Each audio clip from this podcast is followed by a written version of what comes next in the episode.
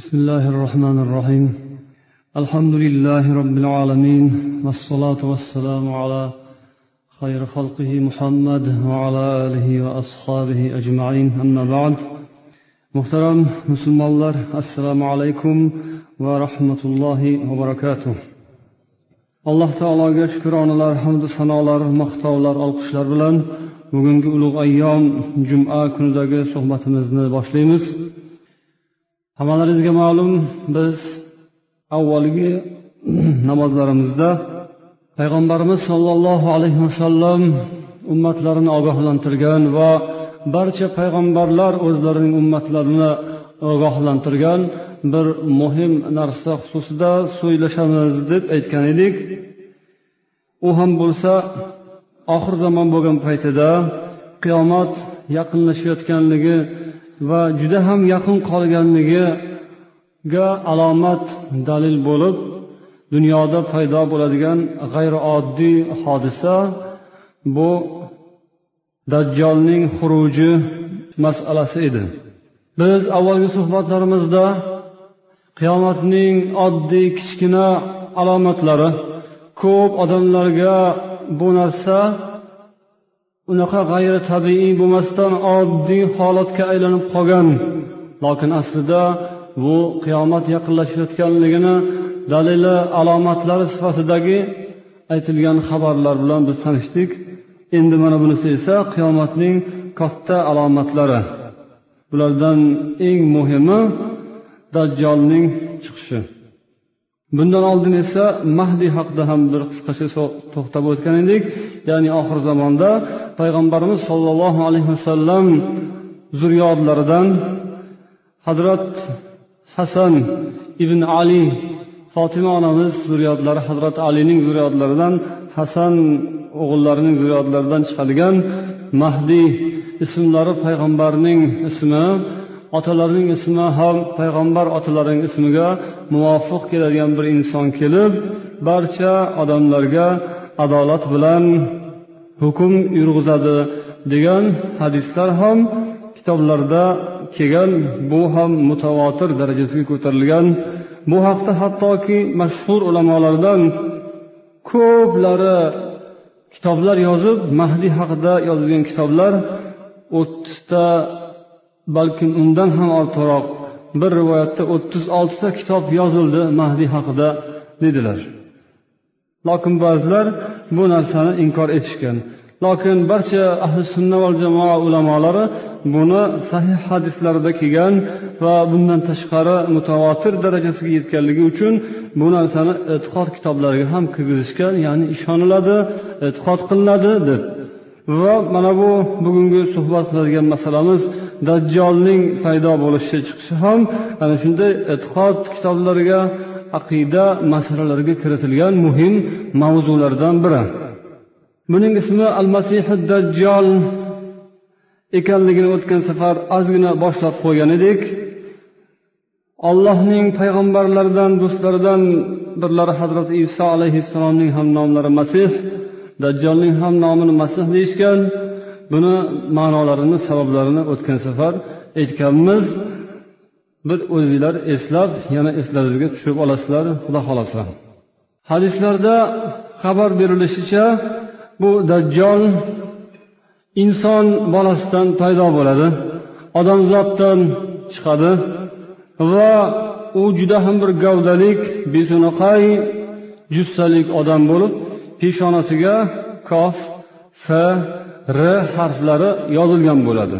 Ya'ni alloh uni shunday peshonasida kofir degan yozuv bilan dunyoga keltiradi uni ko'rinishi hali yuqorida aytilgandek juda ham bir besunaqay odam qizil yuzli sochlari jingalak o'zi esa yosh yigit holida odamlarni fitnalash uchun olloh tomonidan bir imtihon tarzida iymonlilar bilan iymonsizlar o'rtasini ajratish uchun olloh tomonidan sinov qilib yuboriladi.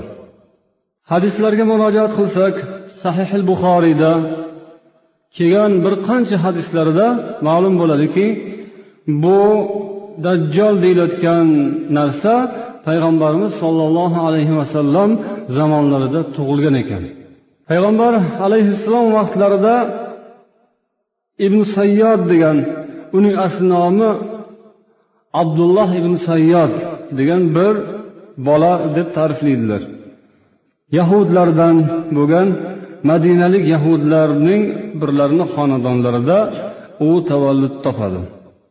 Tug'ilganidayoq o'sha hadislarda ta'riflanganday bir ko'zi xuddi idig'lab qo'yilganday va xatna qilingan holda tug'ildi deyishadi. Keyin buning xabari shaharga tarqalib ko'rgan odamlar o'sha dajjol dajjol deyishaverar ekan o'zlaridan o'zlari.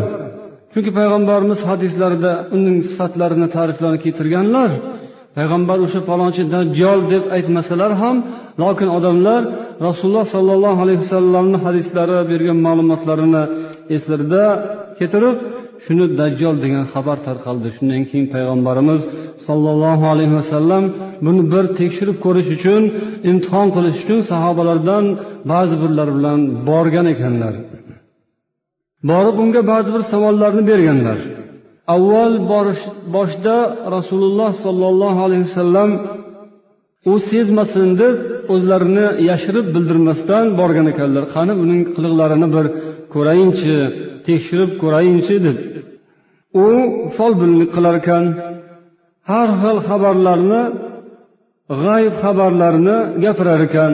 O'zi esa yoshgina bola ekan. O'smir bola edi deydilar. Payg'ambar keyin u bilan ro'baro bo'ladilar. Biroz o'zlarini panaga olib turgan kuzatayotgan paytlarida onasi ko'rib ey muhammad kelib qoldi muhammad kelib qoldi deydi. Shunda rasululloh biroz jim turganda balkim biron bir narsasidan boxabar bo'larmidik deydilaru. Keyin borib u bilan so'ylashadilar. Aytadilarki atashhadu anni rasululloh men ollohning elchisi rasululloh ekanimga guvohlik berasanmi deb so'raydilar. Ibn sayyod payg'ambarga qarab turib ashhadu annaka rasulul ummiyin deydi. Guvohlik beramanki siz omilarning payg'ambarisiz omilarning elchisiz deydi. Ya'ni rasululloh degan so'zni aytishdan qochar ekan. Bunaqa demaydi yo'q ham demaydiku lokin siz omilarni ummiy besavodlarning payg'ambarisiz deydi va shuni keyindanoq aytadiki atashhadu anni rasululloh siz menga ham guvohlik berasizmi? Men ham ollohning elchisi ekanimga deydi. Rasululloh rad etadilar va deydilarki amantu billahi va bi rusulihi. Men ollohga va allohning elchilariga haq payg'ambarlarga elchilarga iymon keltirdim deydilar. Borishlari odamlarga shu shubha bo'lib boshqalar shunga aldanib ketib qolmasin odamlar shunga chalg'ib ketishmasin deb rasululloh sollallohu alayhi vasallam borib atayin o'zlari bilan ro'baro bo'lgan edilar. Yana ba'zi bir savollarni berdilar. Kimlarni nimalarni ko'rasan deganda menga kelib xabar berishadi.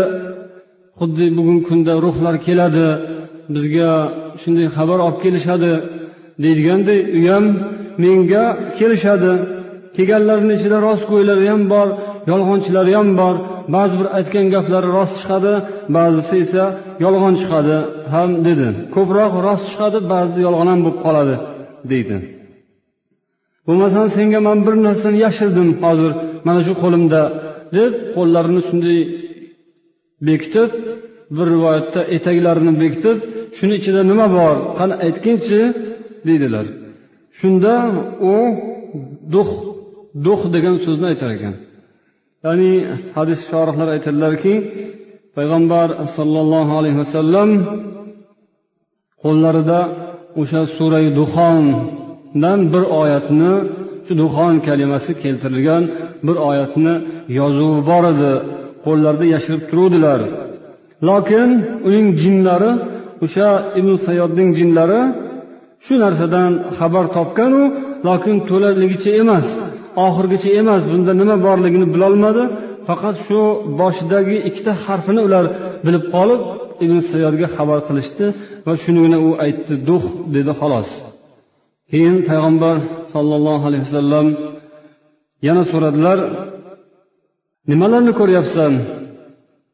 Arshni ko'ryapman. Suvning ustida arshni ko'ryapman. Payg'ambar dedilarki shaytonning arshini ko'ryapsan dedilar. Shunda yonlarida turgan hazrati umar yo rasululloh menga ruxsat bering buni kallasini olayin dedilar. Payg'ambar alayhissalom dedilarki agar bu haqiqatan ham o'sha dajjol bo'ladigan bo'lsa seni kuching yetmaydi bu seni ishing emas. Chunki yana sahih hadislarda vorid bo'lganki bu oxir zamonda hazrati iso alayhissalom nozil bo'lib u kishi o'ldiradilar. Seni ishing emas bu. Agar undoq bo'lmasa ya'ni bu haqiqiy dajjol bo'lmasa unda seni o'ldirganingni yaxshiligi yo'q xayriyati yo'q bu foydasi yo'q dedilar. Chunki o'sha vaqtda payg'ambar alayhissalom madinaga kelganlaridan keyin yahudlar bilan birga shartnoma sulhnoma tuzishgan edi. Ya'ni yahudlar ham musulmonlarga hujum qilishmaydi xiyonat qilishmaydi yomonlik qilishmaydi va bular ham yahudlarni huquqini haqqalarini saqlashadi. Shuning uchun u yahudiyning xonadonida tug'ilgan bola bo'lgani uchun uni o'ldirish mumkin emas edi. Yana bir rivoyatda u hali balog'atga yetmagan yosh bola edi. Balog'atga yetmagan yosh bolani o'ldirish mumkin emas. Uni demak jinoyati bu haqiqiy jinoyat hisoblanmaydi. Mana shu hadis rivoyat qilingan buxoriyda bir necha hadislar kelgan. Lokin rasululloh o'sha dajjol deb ochiq aytmadilar sukut qildilar indamadilar. Lokin ba'zilar boshqalar sahobiylar bu dajjol edi haqiqiy dajjol edi deb hazrati umar qasam bilan aytarkanlar. Qasam ichib aytamanki o'sha haqiqiy dajjol edi. Lokin rasululloh sollallohu alayhi vasallam oldilarida shu so'zni aytilganda rasululloh inkor qilmadilar indamadilar. Demak sukut bu ham tasdiq demak bu haqiqatdan ham o'sha dajjol oxir zamonda bo'ladigan dajjol ekanini ba'zi bir ulamolar aytishdi. Rasulullohdan esa sarohatan o'sha odam edi deyilmadiyu ammo aytganlariga raddiya bermadilar. Shundan keyin oradan zamonlar o'tdi boshqa bo'ldi. U ham hayoti davom etib oxiri ma'lum bir muddat yetganda harra degan joyda bir fitna urush chiqadi o'shanda uni yo'qotdik deyishgan rivoyatchilar. Keyin u na o'ligi na tirigi topilmadi shu g'oyib bo'lgancha g'oyib bo'ldi degan hadislar bor. Muslim rivoyatlarida esa yana shunga o'xshagan boshqa bir rivoyatlar boshqa bir ta'riflar keltirilgan. Xullas biz hozircha mana shu bilan kifoyalanamizda. Bundan buyoqda shu dajjolga bog'liq bo'lgan boshqa jihatlarga o'tamiz. Bu o'rinda eslab o'tish kerakki dajjolni chiqadigan jihatlarini rasululloh aniq aynan tayin qilib aytgan ekanlar. Bu mashriq tomondan chiqadi deganlar. Ilgarigi suhbatlarimizda ham aytilgandek iroqni ham haqiga duo qiling. Deganda bir sahobiy ya'ni rasululloh shomga yamanga allohning barakasi yog'ilsin. Ey olloh shomimizga yamanimizga baraka bergin deganlarida yo rasululloh iroqimizga ham deng deganda u tomondan shaytonning shoxi ko'tariladi. Fitnalar bo'ladi deganlar mashriq tomondan ko'p fitnalar bo'lishini aytganlar. Jumladan bu dajjolning xuruji ham mashriqdan bo'lishini hadislarida rasululloh sollallohu alayhi vasallam aytgan ekanlar الدجال يخرج من أرض من أرض بالمشرق يقال لها خراسان جامع الترمذي imom termiziy rivoyat qilgan bu hadis dajjol mashriq tomondan tomondagi bir joydan paydo bo'ladi uning otini xuroson deyishadi xuroson deganda mana shu amu daryoning orqasidagi mamlakatlar shaharlar jumladan nishofur hirot maru balx va shuni yon yeridagi mamlakatlarni eh, afg'onistonu eronga taalluqli bo'lgan joylarni xiroson deb aytadilar. Demak shu tomondan chiqadi dedilar va yana hadislarga qaraladigan bo'lsa u o'sha odamzodning farzandi tug'ilgani o'sha payg'ambar zamonlarida tug'ilgan lokin bu yog'i alloh taoloning bir qudrati bu ham allohning o'zini xohishi oxir zamonda insonlarni fitnasi uchun chiqariladi va unga ko'p iymonsiz odamlar munofiq odamlar yoki iymoni zaif odamlar ergashib ketirilganlar bularni ichlaridan ko'proq ergashadiganlari shu ajam xalqlari deganlar. Ya'ni millatchilik degan narsa bu yerda ham rol o'ynasa kerak.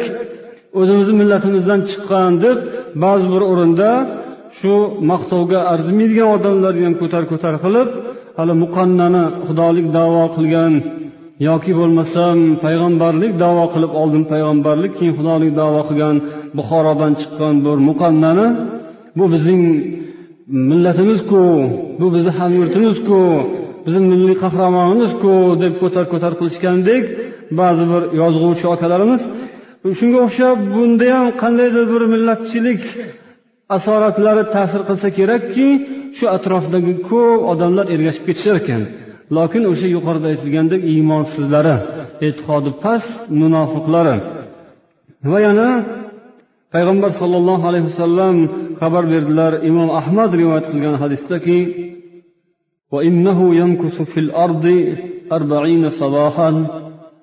u dajjol yer yuzida faqat qirq kungina bo'ladi xolos. Hamma joyga kirib chiqadi. Hamma shaharlarni kezadi mamlakatlarni. Faqatgina to'rtta masjidga kirmaydi. Masjidul harom ya'ni kabatulloh va masjidul madina va masjidul tur va masjidul aqso va shaharlardan ikkitasiga makkaga va madinaga kirmaydi dedilar. Ularga ergashib ketadiganlar haqida esa yana aytildiki shu ko'proq johil besavod odamlar ilmsiz odamlar ergashadilar. U kelganda fitnalardan biri shundoq bo'lar ekanki bir besavod arobiyga ya'ni sahroda yashaydigan cho'l biyobonda yashaydigan badaviy arablardan biriga aytar ekan man xudoman deb keyin unga aytar ekanki agar men seni o'lib ketgan otang bilan onangni tiriltirib bersam sen meni xudoligimga seni yaratgan robbing ekanimga ishonasanmi? deydi. Shunda u ha ishonaman agar shunday bo'lsa deydi. Shunda ikkita shaytonga buyuradi. Ikki shayton haligi arobiyning otasi va onasi suratiga kirib keladi. Kelib oy o'g'ilcham voy bolajonim deb unga yopishib ketishadi. Ergashgin bu robbing bo'ladi bu seni xudoying bo'ladi deyishadi. Shuni ibn mojja ibn mojja rivoyat qilgan hadis. Keyin haligi odam buni ko'rgandan keyin voy mana ota onamni tiriltirib olib keldi ko'rsatdi deb u iymondan ajrab unga yo'liga kirib ketadi. Bugungi kunda falonchining ruhi bilan gaplashyapman degan gaplar bu sal tushungan iymon e'tiqodi bor musulmonlik bilimlaridan xabarbor odamlar uchun xavfi yo'q. Lokin iymon e'tiqodni o'rniga puli noni dollar deb yurgan odamlar esa shunaqa gapni eshitib qolsa yoki ko'rib qolsa tamom bo'ldi. U dajjol chiqmasdanoq iymondan ajrab bo'la qoladi. Uni katta dajjol kelishi shart emas. Unaqangi iymonsiz odamlar uchun shu oddiy oddiy bir kichkina tirrancha shaytonchi ham unaqangi har qancha qo'lida puli bo'lsa ham dunyosi bo'lsa ham hatto boshqa bir dunyoviy ilmlarni olib olgan bo'lsa ham uni yo'ldan chiqarish qiyin emas. Bugungi kunda falonchini ruhi keldi uning ruhi qo'llasin buni ruhi bilan gaplashyapmiz chaqiryapmiz degan gaplarga bir ahamiyat beringlar. Yana mana shuni ta'siriga berilib ketadiganlarning ko'pchiligi ayollar bo'lishar ekan. Chunki ayollar ta'sirchan his tuyg'uga hissiyotga ko'proq beriladigan birdan u yog'iga qarab yurib ketib qolishadi. Birov ko'proq tashviqot qilsa yana undan ko'ra bitta boshqasi kelib ko'proq gapirib qo'ysa bu yoqqa ham og'ib oqib ketib qolaverishish bu ko'proq ayollarni tabiatida bor. Hammasi emas albatta. Mustahkam og'ir vazmin iymonim butun ibodatli halolu pokiza ayollar inshaalloh bundan mustasno. O'sha puli moli dunyoni ketiga tushgan ilgari aytganimizdek imoratu panfilova turkiya qilib chopqinlab uydak uydak qoplarni sudrab yurgan ayollar bo'lsa kerak edi vallohu alam. Ular mana shunday narsalarga o'ch bo'ladilar irim sirimlarga ko'p shunaqangi g'alati g'alati gap so'zlarga voqealarga o'ch bo'lib tezroq kirib ketib qoladilar. Chunki payg'ambar alayhissalotu vassalomdan imom ahmad rivoyat qilgan hadisda aytiladiki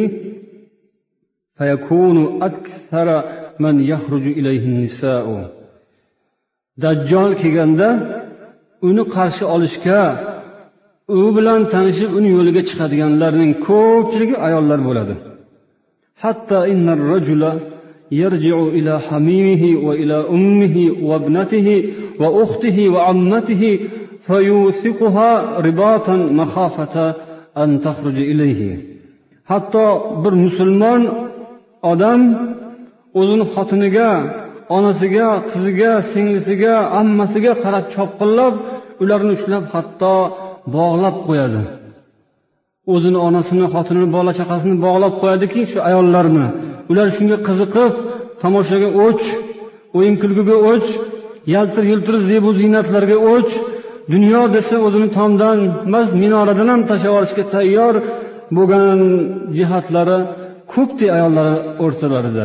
O'shaning uchun ba'zi holatlarda ehtiyot bo'lish kerak. Kichkinasidan saqlansa keyin kattasidan saqlanadi. Bugungi kunda hali dajjol chiqmasdan turib dunyoga shu boshi bilan ham oyog'i bilan ham sho'ng'ib yurganlar endi u yog'ini hali aytganimizdek asti qo'yavering. Olloh asrasin. Payg'ambar sollallohu alayhi vasallam dedilarki qiyomatgacha olloh odam otamizni yaratgandan buyog'ida qiyomat bugunga qadar dajjolning fitnasidan ham ortiqroq fitna bo'lmaydi. Eng qattiq fitna shu dajjolning fitnasi bo'ladi. U kelgandan keyin ikki tomonida ikki daryo bo'ladi deydilar. Muslim rivoyat qilgan sahih hadisda. Daryoning biri to'la suv oppoq suv. Ikkinchisida esa qip qizil olov. Bu jannat deydi. Yana jannatning tasvirini ham yasab ko'rsatadi. Mana bu yog'i esa do'zax. Kimki itoat qilsa meni xudoligimni tan olsa jannatimga kirgizaman deydi. Va yana unga hamma yaxshi narsalarni va'da qiladi. U osmonga qarab qani yomg'iringni yog'dir desa osmondan yomg'irlar yog'adi. Yerga qarab deydi qani chiqargin hamma xazinalaringni desa yerdan o'zidan o'zi otilib barcha boyliklar barcha meva cheva nozu ne'matlar gullar yashnab chiqaveradi. Odamlarni ko'zida bo'ladi bu narsa.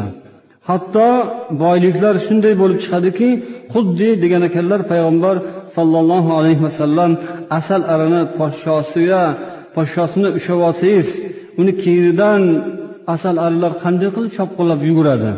Asalarining podshosi qaysi tomon ketsa qolganlari hammasi o'shani ketidan g'uvillab dumaloq bo'lishib ketishadi. Xuddi shunga o'xshab bir joydan agar bir boylikni bir xazinani go'yoki chiqarsa u keyinidan o'zidan o'zi qaynab qaynab shu xazinalar chiqaveradi. Buni ko'rgandan keyin haligi pulga o'ch zibu ziynatga o'chlarga ana xudo berdi deb tamom adoyi tamom bo'lib o'sha yerda uni xudo deb iymondan ajrar ekanlar ammo mo'minlarga esa musulmonlarga esa alloh taolo o'zi ilhom beradi. Ularni ko'ziga shunday ko'rinib turadi. Uning peshonasida kofir degan yozuvi bo'ladi. Ular xudoman deganda ey san xudo bo'lsang basharingni qaragin oldin o'zingni tuzatib olmaysanmi? Bu yog'ida jannatni bu yog'ida do'zaxni go'yoki yaratib qo'ygan bo'lsayu o'zining afti basharasi juda bir dahshatli. Peshonasida kofir degan yozuv bor har ikki ko'zida ayb bor. Bir ko'zini shunday chimchilab mm, shunday g'ijimlab tashlanganday. Yana bir ko'zi esa shishib chiqqanday. Ozgina go'sht osilib turgan basharasi shunaqangi bir xunuk bo'lar ekan. Mo'min musulmon aytar ekanki san xudo bo'lsang qanaqa xudosan? Oldin o'zingni tuzatgin ko'rinishingni bir chiroyli qila olmaysanmi deyishadi va ular iymonlarida mustahkam turadilar. Ularni o'ldiradi birlarini o'ldirib ikki bo'lak qiladi. Keyin tirilgin desa haligi yigit tiriladi. Buni ko'rgan odamlar dindan iymondan bexabar odamlar osongina kirmagan bo'lsa ham avval endi buni ko'rgandan keyin mana shu holatlarni ko'rgandan keyin uning yo'liga kirib ketishar ekan. Musulmonlarga mo'minlarga juda og'ir kun bo'lar ekan. Qirq kungina yer yuzida bo'ladi xolos. Shundan bir kuni bir yilga teng yana bir kun bo'ladi bir oyga teng yana bir kun bir haftaga teng bo'ladi. Qolgan kunlari esa sizlarni oddiy kunlaringizdek bo'ladi dedilar payg'ambar sollallohu alayhi vasallam. Mo'min musulmonlarning yashayotgan joylarida qurg'oqchilik qahatchilik ocharchilik bo'ladi.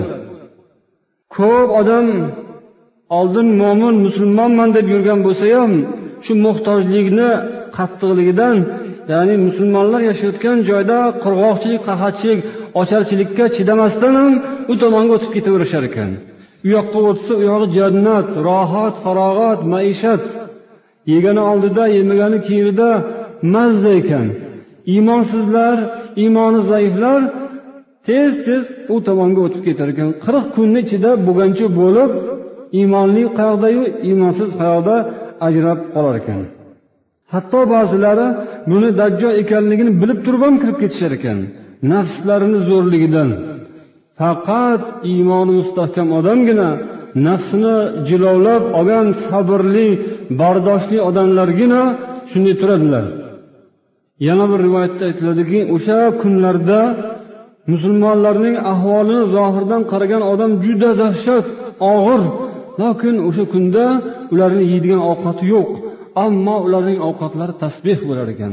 Subhanalloh alhamdulillah allohu akbar deb tasbeh aytsa inson to'q bo'lib qolaveradi ekan. Ochlikdan xudo ularni asrab ularni alloh taolo azob uqubatdan qutqaradi keyinchalik.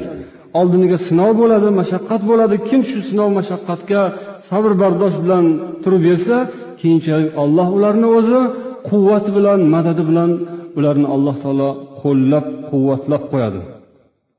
Bu hadislar bu xabarlar sahih buxoriyda muslimda va boshqa barcha kitoblarida hadislarda vorid bo'lgan. Lokin shundoq bo'lsada odamlarni ichlaridan bu narsaga aql bilan faqatgina aql bilan qaraydiganlari qolar ekan. Aslida bu hadis mutavotir hadis tavotur darajasiga yetgan hadis va sahih hadislar ular hammasi ollohning kitobidan keyingi eng to'g'ri kitob deb tan olingan imom buxoriyning kitobi u kishidan keyingi o'rinda turadigan sahih muslim kitoblarida va u yog'i esa hali son sanoqsiz kitoblarida bu zikr qilindi. Ammo ba'zi ulamolar dajjol hadisini rad etishadi. Bugungi kunda ba'zi bir joydan hali eshitib qolasizlar u bo'lmagan gap deb. O'shaning uchun sizlar bor gapni oldin yaxshilab bilib olinglar. Kitobda borini. Bu bizning so'zimiz emas biz to'qib aytayotganimiz emas balkim qur'ondan va sahih hadis kitoblarida kelgan axborotni biz sizlarga yetkazishimiz kerak. Hozirgi zamon ulamolaridan misrlik muhammad abduh degan olim bir ming sakkiz yuz qirq to'qqizinchi yilda tug'ilib bir ming to'qqiz yuz beshinchi yilda vafot etgan. Bu kishi demak o'n to'qqizinchi asrda yashab o'tgan. Yaqin hozirgi zamonni olimlaridan. Va shu bilan bir qatorga bir qatorda u kishi siyosatchi ham bo'lgan. Inglizlarga qarshi yevropaga qarshi kurashgan ham siyosatchi ham diniy olim. Mana shu olim bu dajjol haqidagi hadislarni rad etadi. Ya'ni bu bo'lmaydigan narsa bu haqiqatda yo'q narsa bu aksincha bir ma'naviy ramziy ma'noda aytilgan xolos.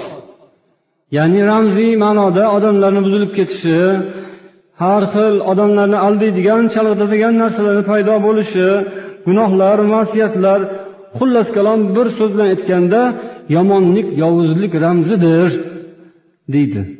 Lokin bu gapi bilan u kishi barcha ahli sunna val jamoa ulamolarini qarshisiga o'tib qoladi. Ular bir tomondayu bu olim bir tomonda bo'lib qoladi. Chunki hech kim na buxoriy na muslim na termiziy na abu davud nasaiy na biz ilgariroq hikoyalarni qilgan imom abu hanifa shofiy molikiy hambal ahmad ibn hambal birontalari bunaqa deyishmagan. Lokin bu odam aqlni muqaddam qilib bu aqlga to'g'ri kelmaydi deb rad etgan. Yana shu kishiga o'xshab bu kishining shogirdi rashid rido degan olim bu kishi livanlik bo'lgan livnon bu kishi bir ming sakkiz yuz oltmish beshinchi yilda tug'ilib bir ming to'qqiz yuz o'ttiz beshinchi yilda vafot etgan. Bu kishi ham juda mashhur nom taratgan hozirgi zamon ulamolaridan. Bu kishi ham dajjol hadisini rad etadilar. Ya'ni u yerda aytilgan so'zlar bu aqlga to'g'ri kelmaydi va tabiat qonunlarini buzilishi olib keladi. Tabiat qonunlarini buzilishi esa mumkin emas. Balkim alloh taolo qur'oni karimda allohning qonunlarini o'zgartiruvchi yo'qdir degan deb bir oyatni keltiradilar. Ammo ulamolar bu kishiga javob berishadiki ho'p payg'ambarlarning mo'jizalariga ishonamizmi yoki yo'qmi? Muso alayhissalom mo'jizasi nima edi? Aso edi oddiy yog'och edi. Uni tashlanganda ajdarga aylanardi. Nil daryosiga tashlanganda daryo ikkiga bo'lindi. Chang chiqdi suvning ostidan. U yerdan kesib o'tishdi. Iso payg'ambarning mo'jizasi o'liklarni tiriltirardi. Bu tabiat qonunlariga xilof emasmi? Albatta xilof.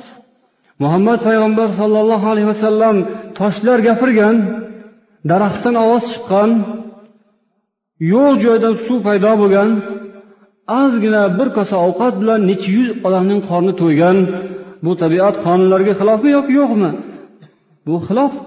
Agar biz ollohning qur'ondagi ollohning qonunlarini o'zgartiruvchi yo'qdir degan oyatini shunday umum qilib tadbiq etadigan bo'lsak unda payg'ambarlarning xoriqil oda mo'jizalarini ham inkor etishga to'g'ri keladi. Olloh payg'ambarlarni payg'ambarliklari haq ekanini isbotlash uchun isbot mo'jiza qilib beradi g'ayri tabiiy hodisalarni. Bularni oddiy odamlar bajarolmaydilar. Dajjolga esa uning xudoligini o'ziga isbot qilish uchun olloh beradi. Buni ham olloh yaratadi. U dajjol o'zi yaratmaydi balki alloh taolo o'sha zamondagi odamlarni iymonlarini sinab o'sha iymonsizlari ajralsin uchun shu holatlarni ollohni o'zi yaratib beradi. bu oldindan aytilgan ma'lum qilingan berilgan xabar payg'ambar sollallohu alayhi vasallam yana bir hadislarida imom ahmad rivoyat qilgan hadisda aytayotganlar إنه سيكون من بعدكم قوم يكذبون بالرجم وبالدجال وبالشفاعة وبعذاب القبر وبقوم يخرجون من النار بعدما انتحشوا payg'ambar alayhissalom aytdilar sizlardan keyin yaqinda ya'ni sahobalardan keyin bir qavm keladi. Ular rajmni yolg'onga chiqaradilar. Ya'ni rajm zino qilgan oilasi bo'la turib er eri bor ayol yoki xotini bor erkak oilali bo'lib turib zino qilsa uning jazosi rajm toshbo'ron qilish. Oilasiz bo'lsa jalda urish kaltak bilan jazo berish oilasiz bo'lsa zinoning jazosi. O'sha rajmni inkor etadiganlar chiqadi hali dedilar. Va yana dajjolni inkor qiladigan odamlar chiqadi. Sizlardan keyin shunaqalar bo'ladi. Va shafoatni inkor qiladigan odamlar bo'ladi. Ya'ni qiyomat kunida payg'ambar shafoat qiladilar insonlarni va musulmonlarni. Yana dedilar payg'ambar alayhissalom azobi qabrni inkor qiladigan odamlar chiqadi dedilar. Va do'zaxga tushgandan so'ng iymoni bo'lsa do'zaxda kuyib gunohi boricha azoblanib qop qora ko'mirga o'xshab ketgandan so'ng iymon sharofati bilan do'zaxdan qayta chiqadi iymonli odam. Ahli sunnaning e'tiqodi shu. Rasululloh ana shunday bo'lishiga ham ishonmaydigan inkor qiladigan qavmlar bo'ladi hali deb oldindan aytgan ekanlar. Mana bu muallif ashrotu soa degan kitobni yozgan muallif yusuf bin abdulloh degan kishi aytadilarki yuqoridagi olimlarni hali mashhur olimlar rashid rizoyi muhammad abdullani keltirib allohdan so'rayman bular ish qilib bularni qatorida bo'lib qolishmasin deb aytishgan. Shuning uchun biz inson o'zini aqliga haddan tashqari agar erk berib yuboradigan bo'lsa aql uncha muncha narsani inkor etib tashlaydi lokin bu shariat aql ustiga qoyim bo'lgan emas. Shariat din naql ustiga qoyim bo'ladi. Shuning uchun dinni shariatni aqlli odamlardan o'rganilmadi. Ya'ni faqat aqlning o'zi bilan ta'lim beradigan odamlardan bo'lsa edi arastu pifagor degan olimlar suqrot degan olimlar o'tgan juda aqlli kishilar bo'lgan. Hozirgi kundagi faylasuflarni o'sha ildizlari o'shalardan taralgan falsafa ular juda aqlli ilmli odamlar bo'lishgan. Ular xudoni bor deyishgan xudoni inkor qilishmagan lokin bu yoqdagi ishlarini o'z aqllari bilan ular olib ketaverishgan ana shularning hammalarini kofir deyiladi ular musulmon bo'lishmagan. Demak bu masalalar inson aql bilan hal qilinmaydi. Bu faqat vahiy asosida bo'ladi. Aql shart albatta. Ammo bu aql insonni naqlga yetaklashi kerak. Naqldan hatlab o'tib ketadigan bo'lsa unday aqlli odamlar adashib qolishadi. Jumladan mo'taziliy mazhabidagi odamlar aqlga ko'p e'tibor berishgan ko'p hadislarni hatto oyatlarni mazmunlarini boshqa tomonlarga burib yuborishgan. Biz bu haqda keyinroq vaqti kelsa o'rnida suhbat o'tkazamiz. Hozir mavzumizdan chetga chiqib ketib qolmasligimiz uchun biz yana buning davomini aytishga harakat qilamiz. Demak bu dajjol masalasi barcha ahli sunna va jamoa ulamolar nazdida tan olingan masala. Qozi iyoz o'zlarining kitoblarida deydilarki hada madhabu ahli sunnati va jami'il muhaddisina والفقهاء والنظار خلافا لمن أنكره وأبطل أمره من الخوارج وبعض المعتزلة bu kishi aytyaptilarki o'sha qozi iyoz degan mashhur olim ahli sunna val jamoa barcha olimlar barcha muhaddislar faqihlar hammalari bu narsanida bir qarorga kelishilgan faqat havorijlar va mo'tazilalar bunga xilof qilib boshqa tomonga ular yurib ketdilar yo'ldan adashib ketdilar alloh taolo asrasin qur'oni karimda olloh g'ofir surasining ellik yettinchi oyatida deydiki أعوذ بالله من الشيطان الرجيم لخلق السماوات والأرض أكبر من خلق الناس osmonlaru yerning yaratilishi odamlarni yaratilishdan ko'ra buyukroqdir. Bu oyatni mazmunini abul aliya tafsir qiladilar. Bu kishi abul aliya to'qsoninchi hijriy yilda vafot etgan tobeinlardan sahobalardan dars olgan tobein ulamolaridan. U kishi aytadilarki buning ma'nosi shuki dajjolning yaratilishidan ko'ra dunyoga dajjol kelishidan ko'ra osmonlaru yerni yaratilishi buyukroqdir degan ma'noda. O'sha dajjolni inkor qiladigan dajjolni aqliga sig'dirolmaydigan odamlarga aytilyatibdiki ey bu qanaqa bo'lar ekan deyapsizlar sizlar og'iylarni tagida turgan bu yer biron joyga osib qo'yganmi? Biron joyga mixlab qo'yganmi? Yoki bironta sizlar ko'rinib ko'zlaringizga ko'rinib turgan biron bir ustunni ustiga o'rnatib qo'yilganmi kattakon bir sharni? Abu muallaq hozirgi zamon agar ilmlari asosida tushuntiriladigan bo'lsa biron bir joyga osilmaydi. Sekundiga o'ttiz kilometr tezlik bilan havoda uchyapti. Biror lahza u yoqqa yoki bu yoqqa ketmaydi. Osmonlar yaralishi yerning yaratib qo'yilganligi bularning o'rtasidagi qancha qancha ulkan juda ham bir katta bahaybat mavjudotlar bu jismlar bir biriga urushib ketmasdan biron bir sekundga soniyaga adashmasdan harakatlanib turishi bu kichkina narsami buni indamay hech o'ylamasdan aqlingizga sig'dirib olaverdingiz? Aslida bu dajjolu yajuj majuju boshqa boshqa o'xshagan narsalarni yaratish ollohga hech narsa emas. Bunaqa narsalarni yaratishdan ham ko'ra osmonu yerlarni yaratish buyukroq aslida o'ylamaysizlarmi aql aql deysizlar mana marhamat buni aql tarozusiga solinglarchi.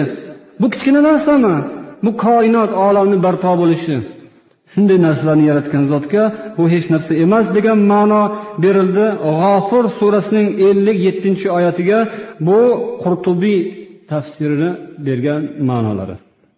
Oxirida dajjolni hazrati iso payg'ambar kelib o'ldiradilar. U kishi nozil bo'ladilar. Va dajjolni faqatgina mana shu iso payg'ambar o'ldirishlarini alloh taolo taqdir qilgan ekan.